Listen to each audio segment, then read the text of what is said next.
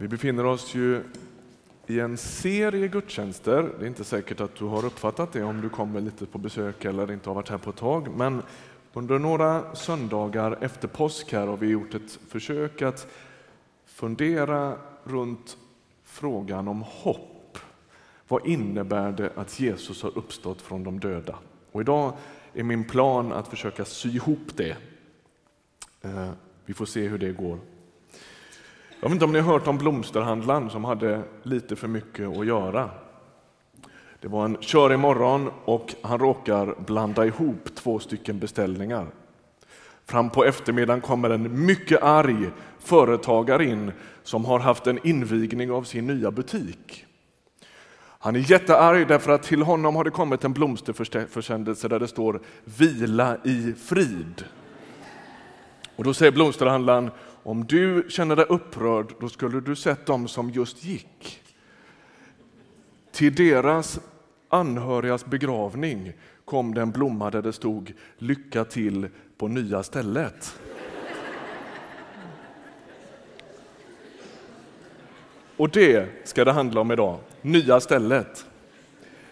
Vi ska försöka fundera över hur är det där? Och Lasse läste ju texten här som jag kommer att utgå från idag. Men jag skulle faktiskt vilja att vi gör det igen. En del saker tål att höras minst två gånger. I Uppenbarelsebokens 21 kapitel. Det står så här. Jag såg en ny himmel och en ny jord. Till den första himlen och den första jorden var borta och havet fanns inte mer. Och jag såg den heliga staden det nya Jerusalem komma ner ur himlen från Gud, redo som en brud som är smyckad för sin man. Och från tronen hörde jag en stark röst som sa, se, Guds tält står bland människorna och han ska bo ibland dem och de ska vara hans folk och Gud själv ska vara hos dem och han ska torka alla tårar från deras ögon. Döden ska inte finnas mer. Ingen sorg och ingen klagan och ingen smärta ska finnas mer, till det som en gång var är borta. Och han som satt på tronen sa, se, jag gör allting nytt. Och han sa, skriv, ty dessa ord är trovärdiga och sanna. Och han sa till mig, det har skett. Jag är A och O, början och slutet. Jag ska låta den som törstar dricka fritt ur källan med livets vatten. Den som segrar ska vinna allt detta och jag ska vara hans Gud och han ska vara min son. Det är med största sannolikhet aposteln Johannes som har skrivit Uppenbarelseboken. En av de närmaste i kretsen runt Jesus. Han eh, skriver det här när han sitter på ön Patmos i, utanför nuvarande Turkiets kust där han sitter i ett romerskt straffläger. Och han är där därför att han har dömts för majestätsbrott. Det betyder i klartext att Johannes, som förmodligen lever i Efesos till vardags, han har vägrat att böja sig inför en stor staty av kejsaren och, och liksom erkänna kejsaren som hela världens herre. Han vägrar göra det och säger Jesus är hela världens herre. Jag böjer mig inte för det. Och så kommer den gamle åldrige Johannes som går under namnet den gamle i urkyrkan. Han hamnar i det här stenbrottet på Patmos. Ett arbetsläger förföljd martyr för sin tros skull. Och så ser han en sorts vision och en syn av hur det ska bli. Och jag vet inte om du kommer ihåg, vi har sagt flera gånger här under den här lilla serien om hopp att det, det är ganska klokt att läsa Nya testamentet just med de ögonen. Att de här texterna är skrivna primärt till kämpande människor. Det är skrivet till människor som funderar över om de ska ge upp. Som funderar över om Gud verkligen har koll. Som funderar över om ondskan inte verkar vinna mycket större terräng än vad Guds rike gör. Eh, som pliktar med sitt liv, där pastorer och ledare saknas i kyrkorna därför att de är döda för sin tros skull. Och så sänds den här texten till människor som lever under sådana omständigheter. Det är viktigt att komma ihåg det. Den sänds inte i första hand till analytiker.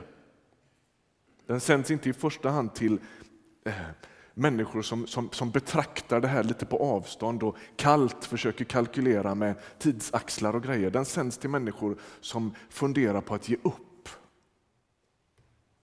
Därmed inte sagt att det är fel att analysera, men förstår du? Det, det, det gör någonting med vår läsning att förstå att det är så. Och så ska han försöka beskriva himlen och då är det liksom som om orden tryter lite för Johannes. Han använder liksom alla möjliga olika bildspråk. Han säger det var som om och det är som ungefär som när och så vidare. Alltså, han, han vet inte riktigt hur han ska beskriva det han ser. Och så kan vi konstatera att när vi läser om himlen så står det egentligen mer om vad där inte finns än vad där finns. Det är ganska intressant. Man kan tycka att det vore viktigt för oss att få veta exakt hur det är där och det får vi egentligen inte.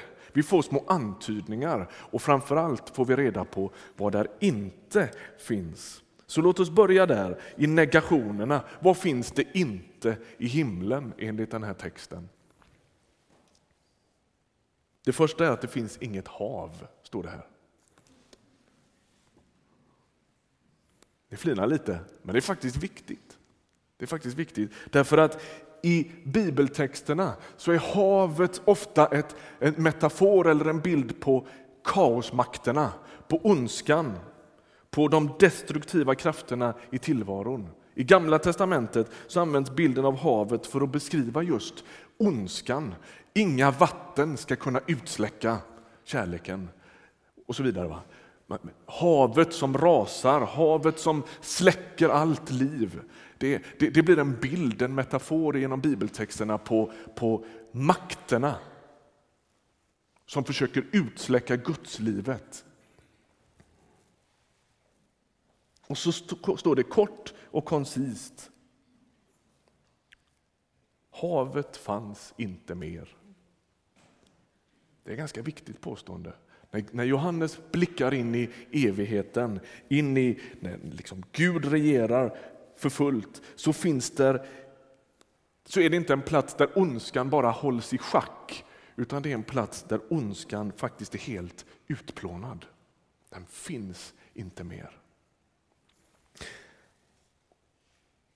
Det andra som står att där inte finns här, det är döden finns inte mer. Döden finns inte mer. Nya testamentet beskriver döden som uppslukad. Och vi har ju varit inne på det de här sista söndagarna. Elinor började på påskdagen och beskriva uppståndelsen och så har vi försökt att, att bryta och bända i det här. I himlen är varken döden eller döendet närvarande. Låt oss läsa en text, den finns tyvärr inte på, på väggen, men ifrån kapitel 15 i första Korinthierbrevet. Vi har varit där och nosat hela den här serien predikningar. Och det är Paulus som skriver så här. Vad jag nu säger er är ett mysterium, säger han till, till mottagarna. Hela det här kapitlet, om ni kommer ihåg, ni som har varit här innan, handlar just om uppståndelsen och om det faktum att Jesus verkligen uppstod fysiskt och att graven är tom och varför det är viktigt. Det har vi redan varit inne på. Vad jag nu säger är ett mysterium. Vi ska inte alla dö, men vi ska alla förvandlas i ett nu, på ett ögonblick, vid den sista basunens ljud. Ty den kommer att ljuda, och då uppstår de döda i oförgänglig gestalt, och vi förvandlas. Detta förgängliga måste kläs i oförgänglighet och detta dödliga kläs i odödlighet. Men när det förgängliga kläs i oförgänglighet och det dödliga i odödlighet, då blir det som skriftordet som säger Döden är uppslukad och segern är vunnen. Död, var är din seger? Död, var är din udd? Dödens udd är synden och synden har sin kraft i lagen. Gud vare tack som ger oss segern genom vår Herre Jesus Kristus. När Jesus uppstår ifrån de döda så bryts dödens udd. Döden är fortfarande verksam. Alla vi som sitter här inne har på ett eller annat sätt, tror jag, smakat på det. Alltså, förlorat en anhörig, varit liksom känt hur, hur, den, hur den kraften är högst påtaglig. Och mitt i det så är budskapet ifrån Nya testamentet att döden mitt i sin verkning, mitt i sin kraft, mitt i sin till synes obönhörlighet är bruten. Jesu uppståndelse från de döda har brutit kraften av döden. Och när Johannes tittar in i himlen i sin vision så säger han döden finns inte där mer.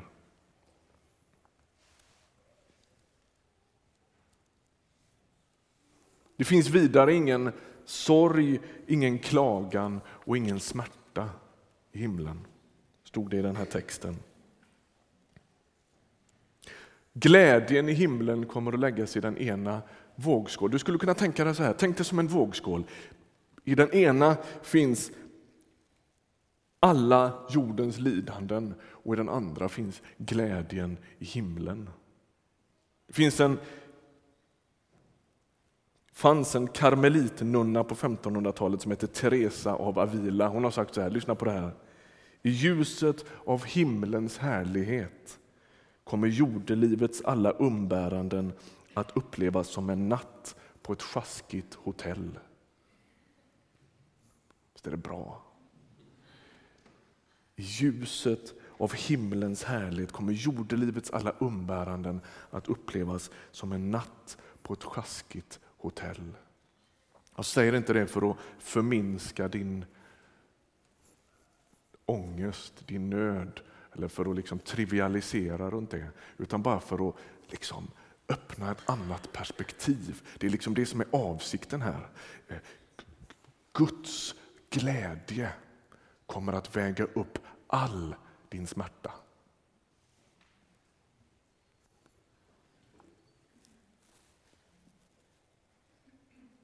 helande, avsaknad av ondska, avsaknad av smärta kommer att höra till himmelens allra tydligaste kännetecken.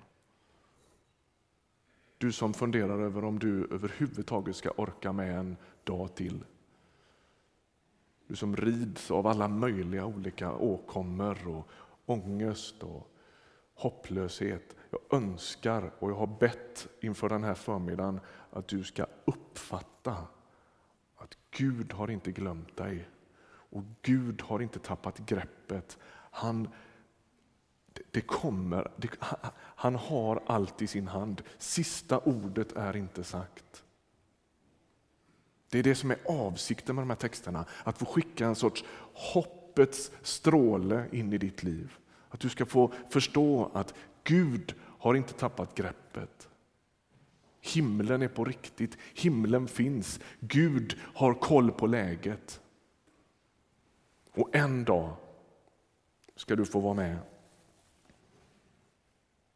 om en tillvaro utan sorg, utan klagan, utan smärta. Jag hoppas att du kan ta det på rätt sätt, att du förstår att det inte är för att släta över eller för att bagatellisera det du är med om, utan jag hoppas att det skulle kunna få bli en sorts något att hålla fast vid för dig. Okej, okay, det här finns inte i himlen. Vad finns det i himlen då? Den här texten den börjar med att beskriva en ny himmel och en ny jord. Och då kan man undra, är, det, är den fullständigt nytt alltihop eller är det förvandlat av det gamla eller hur är det? Och Det är som att bibeltexterna liksom antyder lite både och.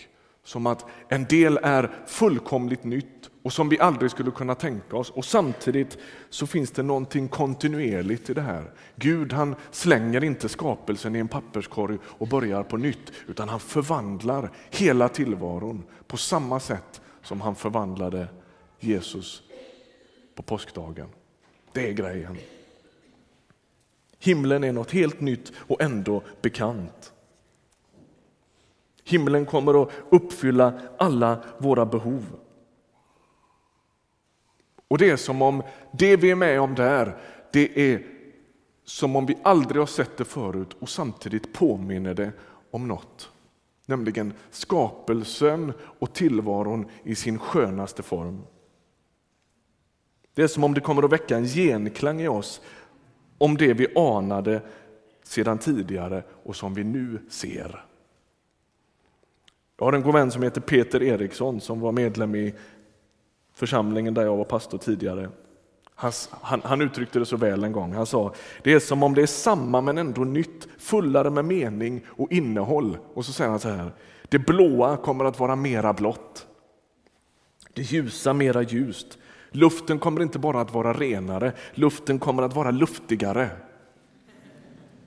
Äpplet kommer att vara mer äppligt. Blåbären mer blåbäriga. Alltså, det kommer att vara en fullhet av all den skönhet som vi nu bara kan ana. Du vet när man, när man är med om någonting och tänker det här är så nära himlen på jorden man kan komma. Ta det och så liksom... Ni fattar. Tror ni det gick hem i radion? Alltså, mer solitt, mer verkligt, mer närvarande, mer fullt än något vi tidigare har känt. Samma, men ändå helt nytt. Och så är det som att alltihopa det här kulminerar i den här texten. Det finns ingen död, det finns ingen sorg, det finns ingen saknad, det finns inget lidande, det finns inget hav. Det finns en ny skapelse och så eskalerar hela historien. Det är som om hela bibelhistorien århundrade efter århundrade bara liksom syftar fram till detta, nämligen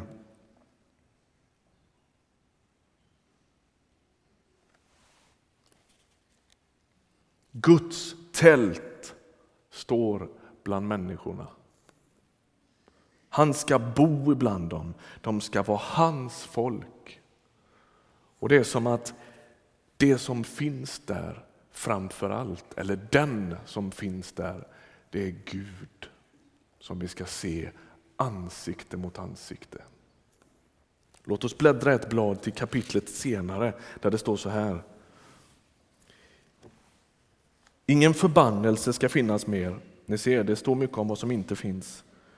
Guds och Lammets tron ska stå i staden och hans tjänare ska tjäna honom. De ska se hans ansikte och de ska bära hans namn på sin panna. Och det ska inte mer bli natt och ingen behöver längre ljus från någon lampa eller solens ljus, ty Herren Gud ska lysa över dem och de ska vara kungar i evigheters evighet. I Bibelns värld var det så här, det finns ett antal exempel i Gamla testamentet på att en brottsling inte fick komma i kungens åsyn. Det finns en historia i Esters bok om att Haman han får inte komma inför kungen därför att han har liksom förverkat den rätten.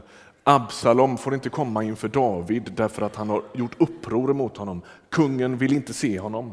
Han får liksom inget tillträde. Och med bakgrund av det ska detta läsas. De ska se hans ansikte. Brottslingarna är förlåtna. Alla syndarna är upprättade. Allt det där som gör att skick, synen, att, att, att, att alltihopa skyms, att sikten skyms, det är borta. De ska se hans ansikte, då ska du få se honom, då ska du få vara med honom, då ska du få lära känna honom helt och fullt. Och så står det att han ska skriva sitt namn på din panna. Vad betyder det? I en, bibel, en biblisk liksom, språkbruk så är namnet tätt förknippat med någons identitet och karaktär. Och när Gud skriver sitt namn på din panna så betyder det att främlingskapet är över. Han skriver sitt namn på din panna och den där livslånga resan mot att bli lik Jesus, den är över. Ingenting skymmer. Ingenting distraherar. Det finns ingen dissonans. Det finns ingenting som stör. Utan du ska få se honom helt och fullt. Paulus han säger i första Korintierbrevet 13, ni vet kapitlet som handlar om kärlekens lov. Det slutar med att han säger då ska vi se honom ansikte mot ansikte. står det. Då ska min kunskap om honom, då ska jag lära känna honom så helt som jag har blivit känd. står det. Va? Alltså han som känner mig helt och fullt, som ser mig, som känner mina tankar, mina avsikter, mina ambitioner, mina drömmar, allt. På samma sätt ska jag känna honom. På samma sätt ska du känna honom.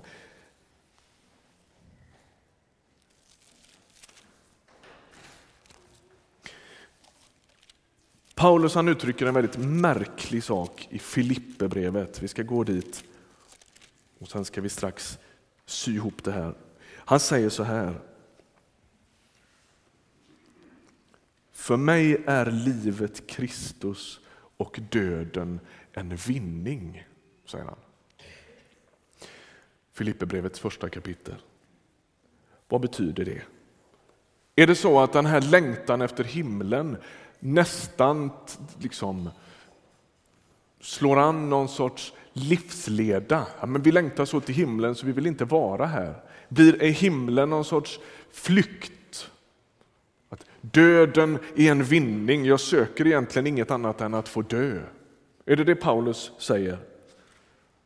Nej, jag tror inte att han har dödslängtan. Jag tror inte att han finner livet så odrägligt att till och med döden ser ut som ett hyfsat alternativ. Jag tror inte det är det som är Paulus poäng.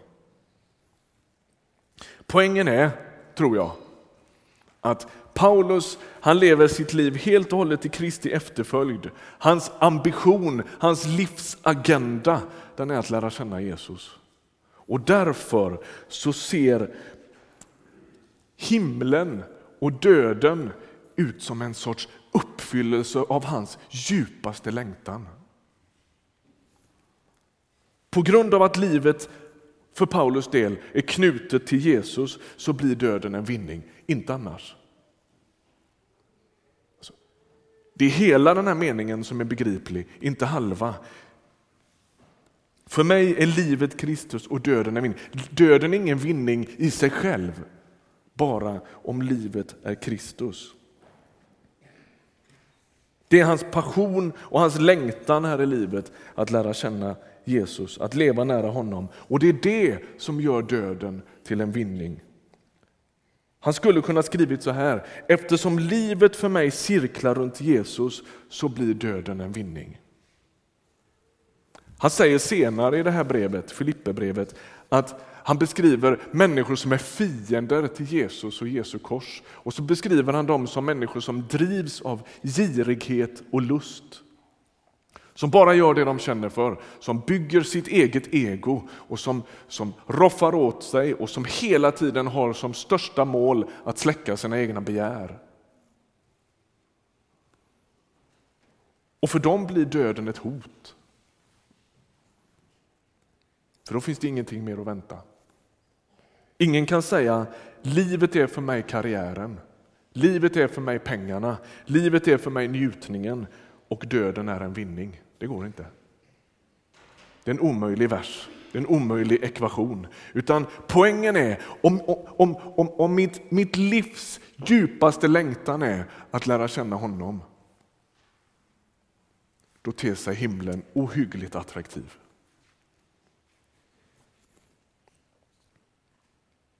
Och då är vi liksom tillbaka i avslutningen för min predikan idag, där hela den här serien började. Jag sa för några veckor sedan att om Jesus uppstått, då är han den jag ska binda mitt liv till så tätt jag kan. Och nu säger jag samma sak igen. På det sättet så är det kristna livet och det kristna hoppet trotsigt. Det jag skulle vilja att du fick med dig idag det är två, två perspektiv. Det, det kristna hoppet handlar om tröst och det handlar om trots. Det är trotsigt i meningen att om det här är sant, då böjer jag mig inte under vilka krafter som helst. Om det här är sant, då ger jag mig inte åt vilka drivkrafter som helst. Då böjer jag mig inte under vilka makter som helst. Då svär jag min lojalitet mot den ende som har besegrat döden.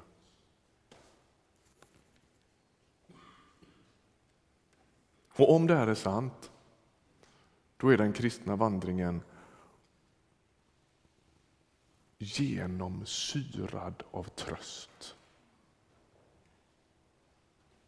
Jag önskar att du skulle se det. Jag önskar att du skulle uppfatta det.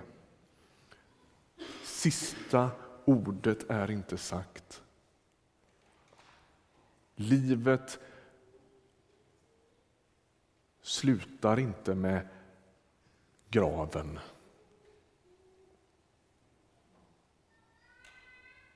Rättvisa måste förstås utifrån det vi läste här. Jag glömmer aldrig när jag predikade vid ett tillfälle på något som kallas för Gatukyrkan i Göteborg. Vi, när jag jobbar med Kristen utmaning Teen Challenge så, så, så samarbetar vi med ett behandlingshem i Göteborg som heter Linneahuset för manliga missbrukare. Varje lördagkväll hade de något som kallas för Gatukyrkan. Då dök gatans folk upp och firade gudstjänst. Sjöng och bad och, och sådär. Va? Och det kunde hända vad som helst på de där mötena. Alla var inte nyktra och alla var inte riktigt i form och så. Och Det var lite alla möjliga, oerhört brokig skara människor. Jag skulle predika där vid ett tillfälle och fick för mig att jag skulle predika om att Gud är rättvis. Om att Gud är rättvis. Att det är inte som det verkar, att all, all, alla övergrepp som sker kommer man undan med, utan till sist så är Gud rättvis. Och tänkte, är det verkligen ett evangelium för de här människorna som sitter här? tänkte jag, jag ska predika det. Så gjorde jag det. Och det som hände då, det var otroligt märkligt hur, hur det här budskapet om att de här människorna som satt här utsatta för övergrepp, Eh, orättvisor, eh, de mest fasansfulla upplevelser i livet, som satt fast i missbruk och, och, massvis med efterdyningar av att vara född i fel familj eller ha fattat fel beslut och så vidare. och så vidare. De uppfattade hopp i det. Är du med? Sista ordet är inte sagt. Det är möjligt att folk kom undan, men Gud är rättvis. Himlen är på riktigt. Där finns ingen sorg, där finns ingen orättfärdighet, där finns inga övergrepp, där finns ingen som liksom kommer undan med det. Utan glädjebudet handlar inte bara om att Gud ger nåd, utan om att Gud också är rättvis. Att han faktiskt ser, att han faktiskt hör, att han faktiskt vet. Och glömmer aldrig den synen, gatukyrkan, förbönstund, när människor som levde som prostituerade på Göteborgs gator, som höll på att knarka ihjäl sig, som inte kunde låta bli flaskan, när de böjde knä där framme och sa Gud, tack för att du är rättvis. Tänkte, det här slår an någonting som jag liksom inte har varit i närheten av.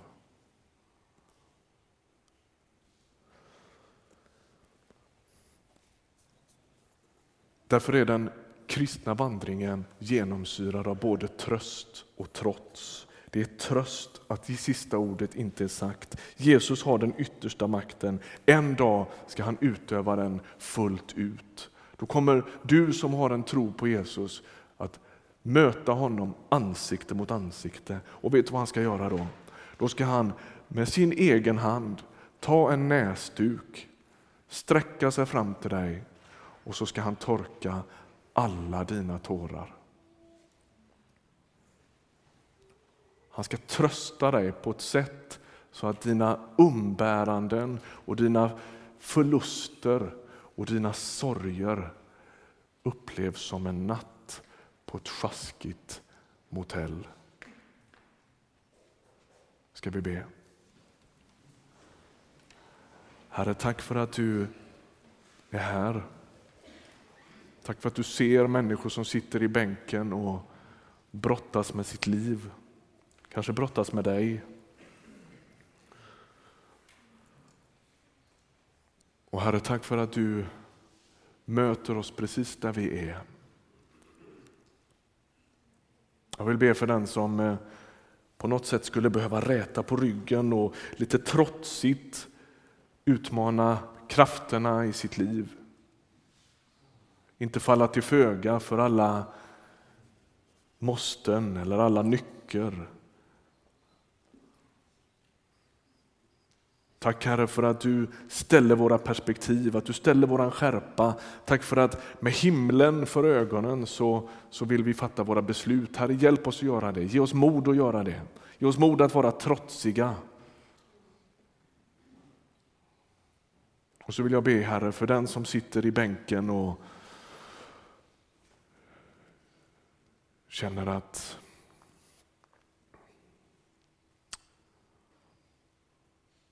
hoppet och modet sviker.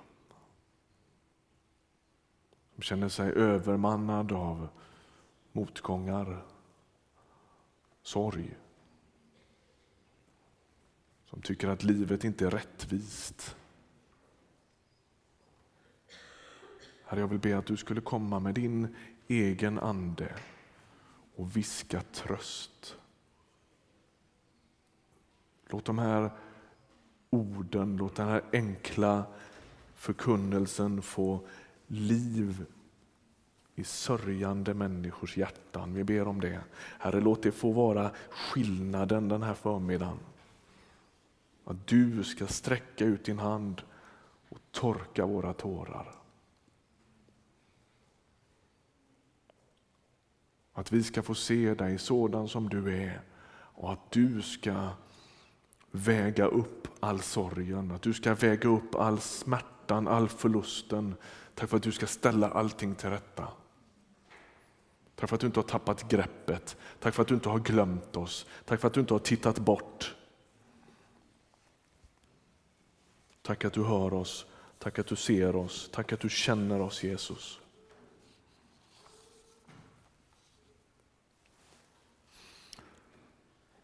Amen.